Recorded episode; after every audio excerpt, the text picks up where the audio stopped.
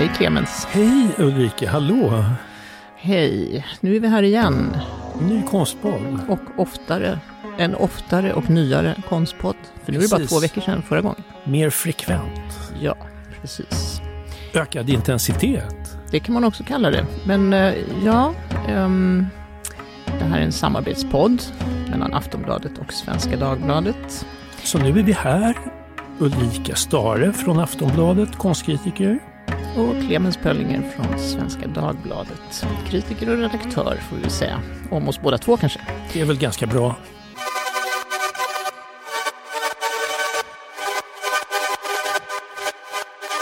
Jag har sedan förra gången läst en bok, kanske har läst flera böcker egentligen, men jag har läst en, eh, en eh, bok som heter Förfalskad konst, Sveriges enda konstpolis berättar. Det är Peter Lloyd och den kommer ut på Lind Company. Ja, precis som titeln säger då, då så är han en kanske ovanligt konstintresserad och konstkunnig polis. Han är ganska rolig att läsa faktiskt, för att han är faktiskt en, en konstälskare, skulle man kunna säga. Eh, och han beskriver ju då eh, en, en rad förfalskningsfall, eh, både historiskt och sånt som han själv har varit med om att utreda. Eh, det handlar ju mest om måleri, eller ja, 99 procent om måleri säkert. Det förekommer någon skulptur bara, men sen är det ju måleriförfalskningar. Den är ganska anekdottät och ganska underhållande, även om den ibland blir lite upprepande. Men det är inte så, ja, det blir väl så. I slutet kommer den här eh, Peter Lloyd i alla fall in på hur han arbetar. Hur, ja, de får tips och han liksom gör någon sorts okulär besiktning och ser att ja, det här är lite dåligt för att vara just den här konstnären. Han brukar lägga färgen så här, utan det här måste, kan vara en förfalskning. Och sen går man ju vidare då och utreder. Ja, men i alla fall så, så beskriver han där i slutet att han eh, väldigt ofta får frågan hur mycket falsk konst hänger på väggarna i svenska hem? Och hans svar är lite drygt hälften. Det är helt Ja. fantastiskt. Eller hur? Ja.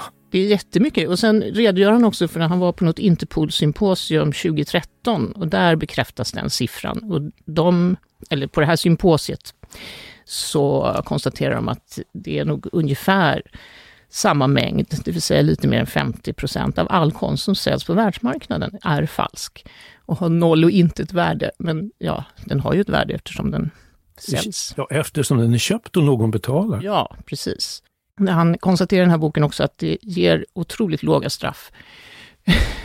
Dåligt tips nu till allmänheten. Men ja, det är inte ett, det är inte ett brott som betraktas som eh, så väldigt allvarligt. Det är ett signaturbrott.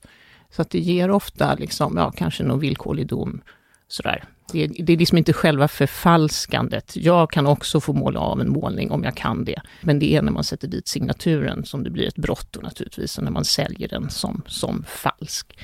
Eh, och det betraktas därmed också som någon sorts gentlemannabrott. Dels för att det är lite listigt och kulturellt kanske. Så här man, ja. Och dels för att eh, man lurar rika människor. Det är väl lite det. Alltså Det är så spännande tycker jag. Det är så mycket önsketänkande inblandat i detta. Att man kanske gör ett fynd.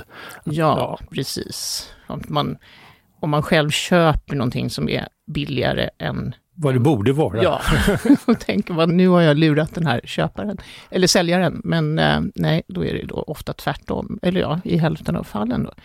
Det är, jag tycker att det är fascinerande och jag får ju erkänna att jag också dras med det här att, att det är lite gentlemannaartat, men det är det ju verkligen inte. För att det är, även om de som målar förfalskningarna kan ju vara skickliga konstnärer, eller är ju ofta det, och ibland även utbildade, ja men det är ju lite sådär, de, de, de kan ju det där, men de som säljer är ju några helt andra och där är det ju liksom maffia, alltså det är organiserad brottslighet helt Ja, enkelt. det är hur kriminellt som helst. Enorma värden också och det, tyvärr är det ju inte bara rika människor som, som blir lurade så det, det är inte så gentlemannamässigt heller. Men, men, men förfalskningar, det är ju så att säga, alltså du målar av en tavla. Va? Man, man, men jag har en favoritförfalskare som, som Wolfgang Beltracci, eh, en, en tysk förfalskare som inte nöjde sig med att måla av tavlor, utan vad han gjorde var att med gamla pigment, med autentiska pigment från den tiden så att säga, så målade han eh, fram nya verk i en känd konstnärsstil, framförallt Max Ernst, surrealisten. Så han skapade så att säga verk i Max Ernsts anda. It was method acting on canvas. In his head, these forgeries were masterpieces. And before the art world knew any better, they tended to agree. So I love my paintings, Yeah, all of them. I see. Yeah, I see. and and my best Campendonk was uh, the, the Campendonk they catch me with. Uh, it was the, the Campendonk with the red horses. Yeah. That was uh, the most expensive Campendonk ever sold.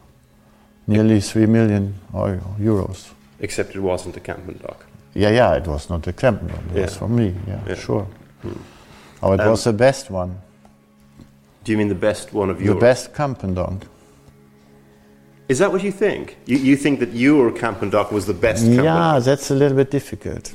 But it was sold as the best Campendonk was ever sold. Yeah. But was it the best Campbell dog? Yeah, sure. Och han var så bra på det och använde liksom korrekt eh, duk och pigment så att de var, eh, när man försökte tidsbestämma dem så var det liksom eh, grejer från den tiden när det kunde ha målats. Han fick till och med eh, några målningar autentiserade av, av en expert, en tysk expert på Max Ernst. Och, och storyn där var att hans hustru Helen var uppgavs, uppgav sig vara en sentida släkting till konsthandlaren Alfred Flechtheim och på det sättet hade de fått eh, fram eh, verk ur gömmorna. Och det gick bra ända tills det inte gick bra och han Nej. sitter i fängelse. Att, ja, många tjänade ju väldigt mycket pengar innan det då slutade De levde ett bra. flott liv. Ja, precis, verkligen. Eh, han tar upp, eh, i den här boken tar ju han upp också en holländare, Han van Meegeren, hur det nu kan uttalas. Eh, han förfalskade bland annat då en Vermeer-målning, som han, det här är ju historiskt då, han sålde den till Göring av alla människor. Och då blev han ju av han blev ju liksom betraktad som någon sorts eh, landsförrädare för att han har liksom sålt holländsk konst till Göring.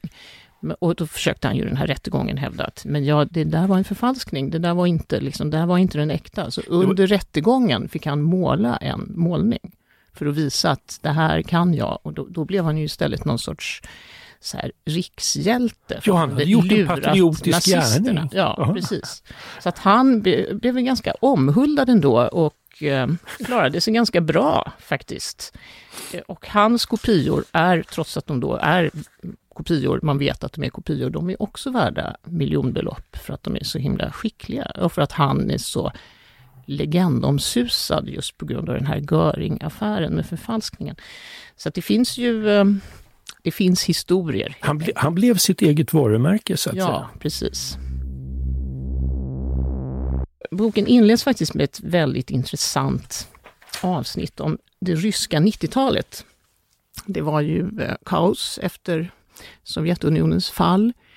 Eh, och då var det några listiga människor som eh, köpte nordisk konst, nordiskt konst från sent 1800-tal som man då importerade till Ryssland och russifierade dem med lite, liksom, ja, någon liten kupolkyrka eller några, liksom, ja, några bondkvinnor eller något sånt här. Och sen sålde man dem som eh, ryskt sent 1800-tal, Ivan Shishkin bland annat. Ilja Repin. Ja, de köpte de här ganska billigt i Norden och sen sålde de dem då för miljonbelopp. Och det här kunde man göra därför att eh, under ryska revolutionen flydde ju men den liksom, rika konstsamlande delen, eh, de flydde ju med sina verk liksom, västerut.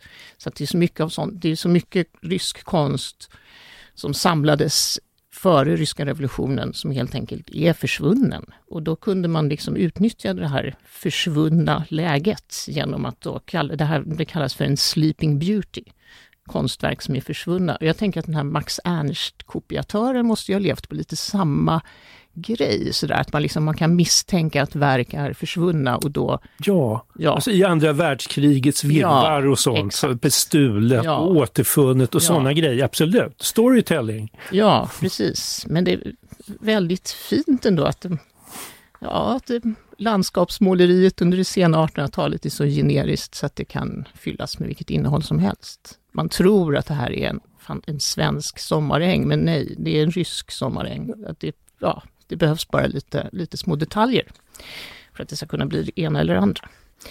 Men jag tyckte den historien var ganska intressant ändå faktiskt, hur politiskt kaos kan eh, framtvinga, eller rättare sagt politiskt kaos i flera omgångar helt enkelt, gör att den här marknaden kan fungera.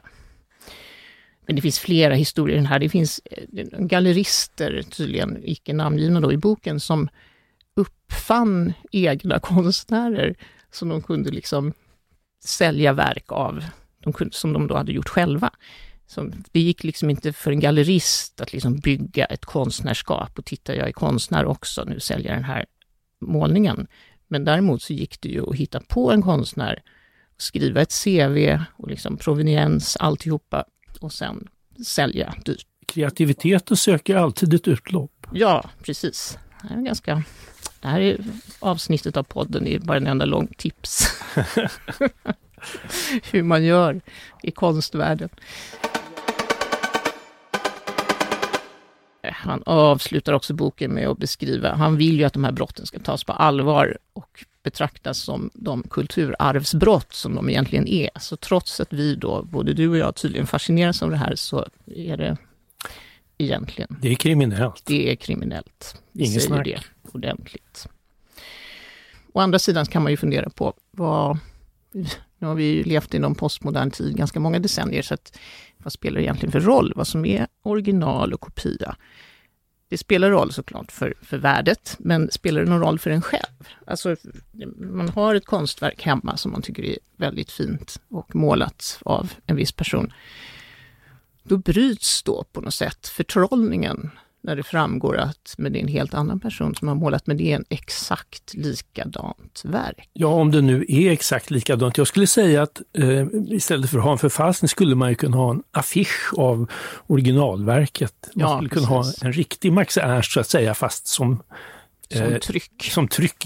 Det, det, det funkar för mig. Ja, det funkar för mig också faktiskt. Men det är väl någonting, det är väl någonting förtrollande med att ha en äkta, ja, om vad, vad det nu kan vara, alltså så att man, en konstnär man känner till och Ja, jag vet inte, ja, tydligen är det det, för annars skulle ju inte folk bry sig om det. Eller, eller är det så att man bryr sig om det? Jag tror inte det. Egentligen gör man inte det. Det, det är en form av magi med, en sån magiskt tänkande. Så att säga. Ja, precis.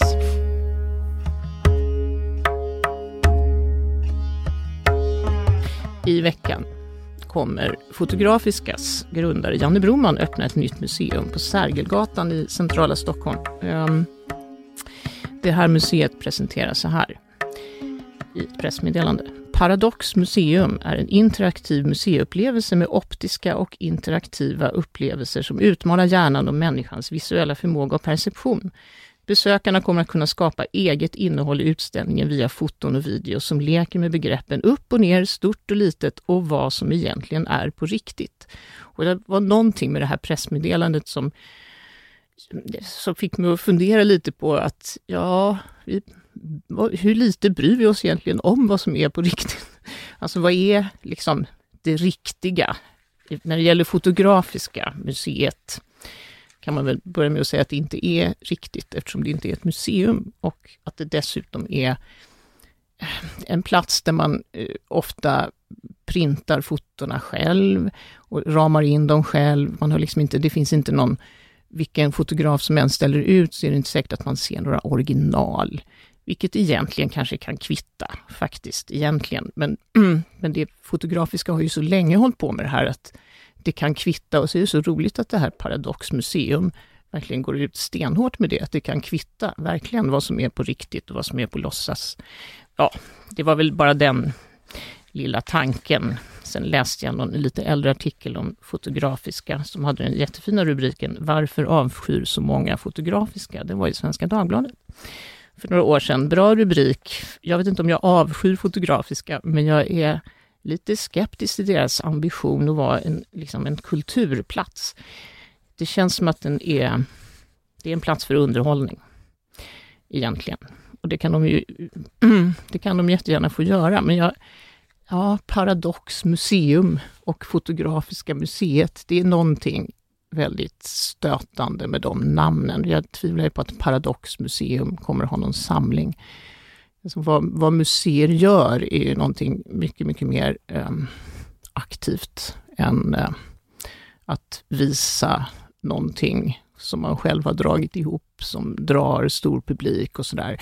Alltså Moderna Museet har 100 000 fotografier. Och hette, de hade ett eget, de hade en avdelning som hette Fotografiska museet ja, förut. precis. Förut hette det ju det, det var liksom inkapslat i Moderna på något sätt. Men de, en samling måste ju vårdas och, och liksom underhållas, katalogiseras, forskas på. Det är ju liksom en, en stor del av ett museums verksamhet. Så det är så otroligt förolämpande att Fotografiska kan kalla sig för det. Eh, det var väl ungefär det jag hade att säga om förfalskningar och fotografiska. Ja, autenticitet. Autenticitet.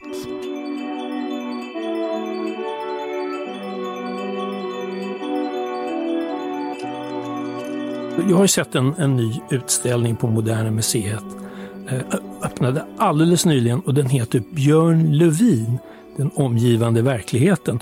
Och, och, övergången här till det du pratar om, det är ju att, att eh, det speciella med utställningen är att det här är ju eh, Björn Lövin eh, eh skapade eh, installationskonst på 1970-talet. Eh, på den tiden kallades det miljö, för begreppet installation var så att säga inte gångbart på den tiden. Men inget av, av de originalen från den tiden är bevarade, utan vad Moderna har gjort är en rekonstruktion eh, baserade egentligen på, på de svartvita fotografier som togs i utställningen och på, på filmer som gjordes. Så har med utgångspunkt från det och mycket forskning och samtal med, med eh, Björn Levins nätverk, eh, familj, vänner, så har miljöerna återskapats. Så de är ju reproduktioner och, och, och liksom där blir, där, det, det, det, har ju bäring på det här med äkta och inte äkta. Eh, hur som helst, jag, Björn Levin han levde 1937 till 2009 och jag kände skam till sägandes inte alls till honom. Och det, han är idag en, en ganska bortglömd konstnär som får eh, en revival här på Moderna. Eh, det, det, det, konstiga är att hans skulptur Lenin-monumentet är, ligger, det är placerat utanför Moderna Museet. Jag har gått förbi det hur många gånger som helst, men jag, jag, jag kände ändå inte till honom. Vilket, vilket är det? Jo, det är då det är då en, en skulptur eller en, en, installation, en skulptur utomhus. Eh, och det är ett utsnitt av ett järnvägsspår som löper över en stenbelagd gata kan man säga. Och det, det, upprinnelsen till det, det påminner om att Lenin eh, 1917, då, revolution, det ryska revolutionsordet, han var i Sverige, han, han handlade en kostym på pub i Stockholm och sen åkte han i plomberad vagn till Pet mm. Petrograd. Han var några, i Stockholm några timmar bara. Eh, plomberad vagn? ja, plomberad, jag vet inte, han fick väl inte gå ut och göra revolution i Sverige tänker jag, utan nej, han skulle nej. göra revolution i Ryssland. Jag, jag, jag, vet inte, han var ju, ja, det var väl känt att han var en, en farlig revolutionär, tänker jag. Uh, hur som helst, Eh, de här installationerna, Björn Levin hade ingen formell konstutbildning utan han, han eh, eh, fick ändå de här två stora installationerna utställda på Moderna Museet och sen en ännu större installation på Centre Pompidou 1981. Den är också återskapad på Moderna och jag tänker då att han måste ha varit Eh, kompis eller, eller fått stort stöd av Pontus Hultén, som är den karismatiske chefen på Moderna som sen också blir chef på Centre Pompidou. Och um, um, ja, ja alltså det, det, finns också en miljö från 1988, delvis återskapad, delvis med originalgrejer. Det var en utställning på Kulturhuset. Men jag fastnade för de här två 1970-talsutställningarna. De, de grep tag i mig mest. Eh, den ena av dem har titeln då Herr P's penningar. Och det är en folkhemslägenhet av 1960-talssnitt det är ett imponerande skickligt kulissbygge som, som fick mig att tänka på att det är som skapat för inspelning av en reality-tv-serie eller, eller varför inte något norenskt kammardrama. Eh, Installationen börjar med en deppig trapphall, en sån där betongig med stänkmålad prickig vägg eh, och en sån där namnskylt eh, som, som finns, eh, sån här, någon sorts blå eller svart bakgrund med såna här bokstäver man ploppar in och en glas, glasskiva framför som, som man har sett eh, tusen gånger. Det får mig att tänka på en entré i en fastighet jag bodde eh, i Hagsätra. Vardagsrummet då är möblerat i grönt och brunt. Eh, och samtida kommentarer till det här verket var ju åh vad fult det är, vad tråkigt det ser ut. Och idag så kan man känna såna här vintage-vibbar när man kliver in och loppisattraktion kring enstaka pinaler som lampor och fåtöljer som idag skulle kunna gå att sälja på auktion eller eh, på någon loppis, dyrt loppis i Skåne på sommaren eller någonting sånt. Den andra installationen Konsument i oändligheten är två långa skyltfönster utmed en fiktiv shoppinggata. Och de är fyllda med inredning och olika objekt och mode som, som kunde vara eftertraktansvärda och fullständigt utom räckhåll för kanske många löntagare år 1971. Och båda installationer har en tydlig samhälls och konsumtionskritisk udd som var tidstypisk för post 1968-epoken. Och Björn Lövin han tog avstamp i en statlig utredning, låginkomstutredningen, som i slutet av 60-talet presenterade så kontroversiella resultat att dåvarande finansminister Gunnar Sträng eh, lät lägga ner den. Då kontaktade Björn eh, Lövin utredaren Per Holmberg eh, som fick göra en verklighetsbaserad budget för hur man låglönefamilj hade kvar i kassan vid årets slut när alla utgifter var betalda. Och summan var då förskräckande 441 kronor.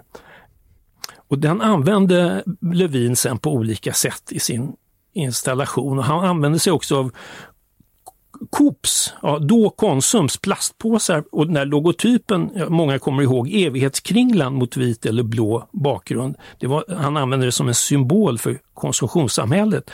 Björn Levin kunde 1971 nog inte ana vilken allt större roll shopping och varumärken och logotyper skulle spela i självförverkligande syfte och som identitetsbygge under decennierna som följde och alldeles särskilt mycket i vår tid. Mm, ja. Tidsmaskin är det. Eh, ja, precis. verkligen. Det låter det ju som. Och, och Men... tillbaks till den här konsumtionskritiska attityden som fanns då, som är lite aktuell nu också. Ja, den börjar väl komma igång lite, men det är ja, mest på grund av klimatdiskussionen såklart. Precis, hållbarhet. Ja, precis. precis så att det är liksom, det, vi kan inte shoppa så mycket som, eller vi och vi, men ja, det, man, man samlade. Ja, man borde kanske inte, eh, kanske inte, eller det finns liksom en moralisk aspekt eh, i, i, det i, som, som har tillkommit idag så att säga. Mm, ja, precis. Som känns ganska mycket 70-tal också. Alltså, men då höll man väl också på med... Liksom, Absolut. Det hette inte second hand kanske, men... men det Jag tänker, det var mycket det var. reklamkritik också. Sven ja. Lindqvist skrev en bok om reklamens farlighet och jag tänker att Björn Levin kanske var lite, jag vet inte, jag fantiserar mm. om att han kanske inspirerades lite av det av, av den samtida mm, debatten. Mm,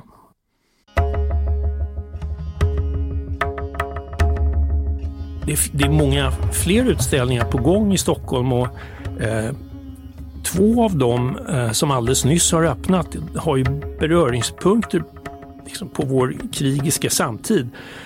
Det är humanitet på Sven Harrys konstmuseum i Vasaparken och den israeliska konstnären Jael Bartanas Two minutes to midnight på Cecilia Hillström Gallery på Hudiksvallsgatan. Humanitet, konstens kraft i svåra tider är den fullständiga titeln på Sven Harrius.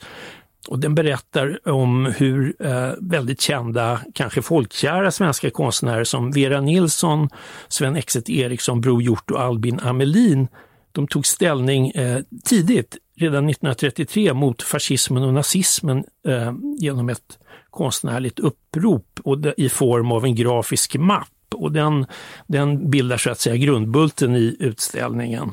Eh, det, mm, och varningarna då, de är väl eh, lika aktuella idag tänker jag. Och det, det är liksom eh, bra timing på den utställningen men jag tänker att den har varit på gång länge så att Jag vet ja, inte, ja, ja, precis. Jo, det är så klart är det ju. har, men, men det var ett, ett väldigt olyckligt sammanträffande får man ju säga. Ja, verkligen.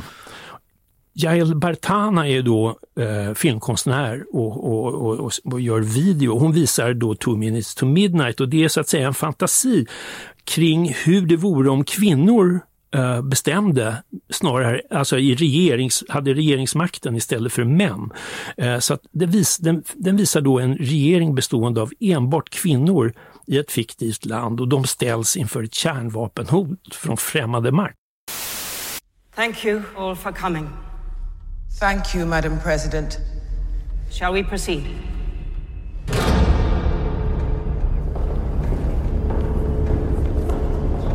Skådespelare samtalar med kvinnliga experter ur det verkliga livet.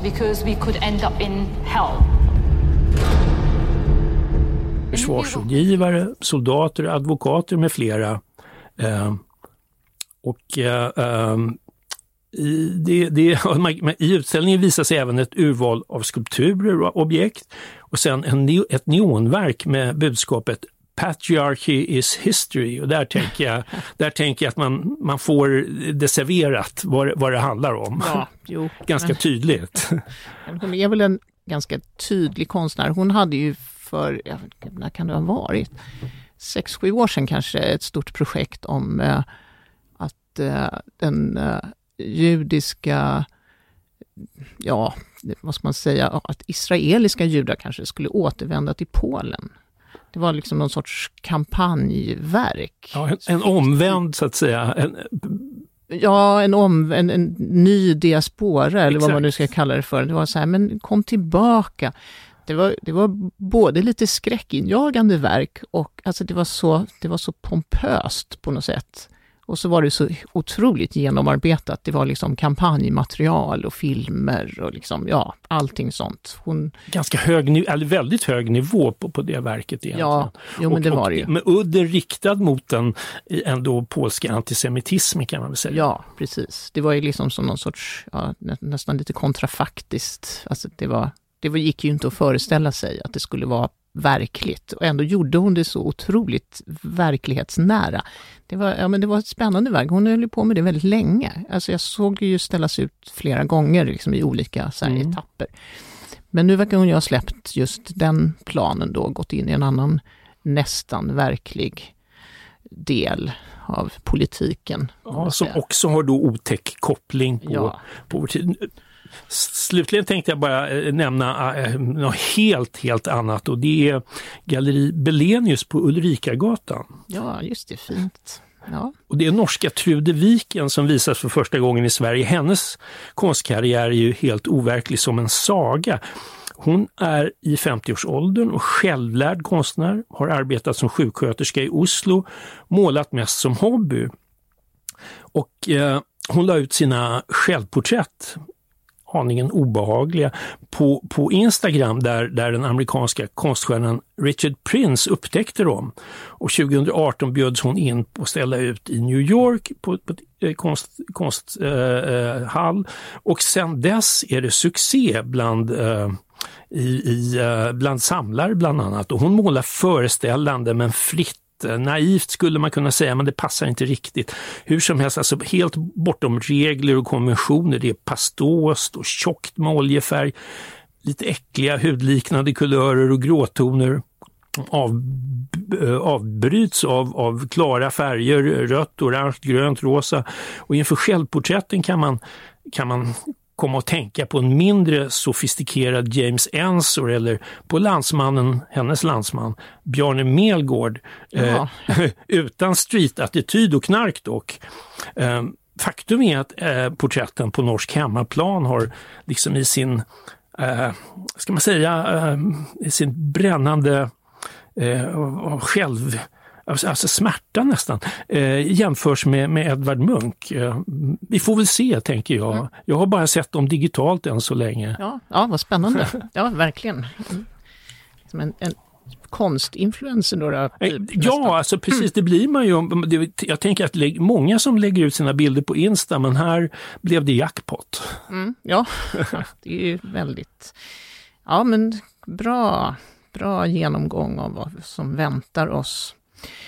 En sak till som väntar oss, som vi måste på något tvångsmässigt sätt alltid ta upp i den här podden, det är ju Venedigbiennalen. Så nu Ooh. måste jag ju säga det igen. Men det är egentligen, jag ska inte säga så mycket mer om det, än att det snart, som alla som har lyssnat på oss vet, eh, det är att det kom en liten, ett litet artikel häromdagen om någon, nu ser jag att den är från första april faktiskt, nu blir jag osäker, men att det skulle visas en eh, robotkonstnär i någon sorts europeiskt samarbete. Jag vet inte, denna lilla robot ska i alla fall, eh, det är en kvinnlig robot uppenbarligen enligt bilden, ska då måla någonting.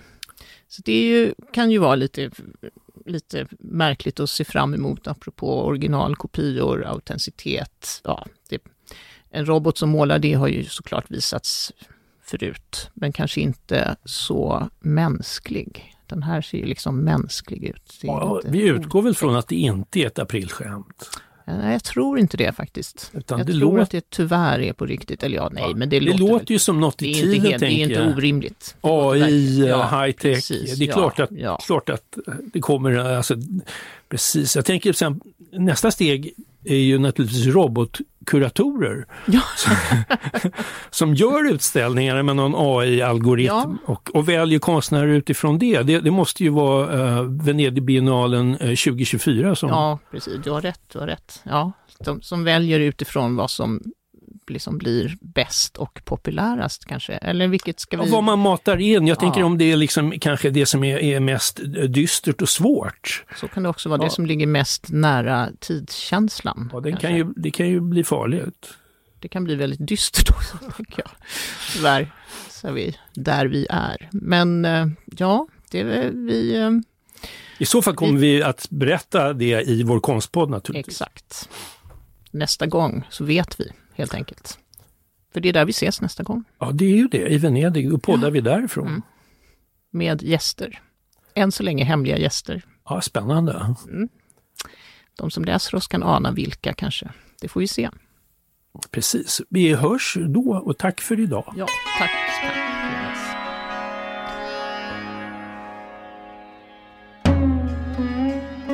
Du har lyssnat på en podcast från Aftonbladet och Svenska Dagbladet. Ansvarig utgivare är Anna Kareborg.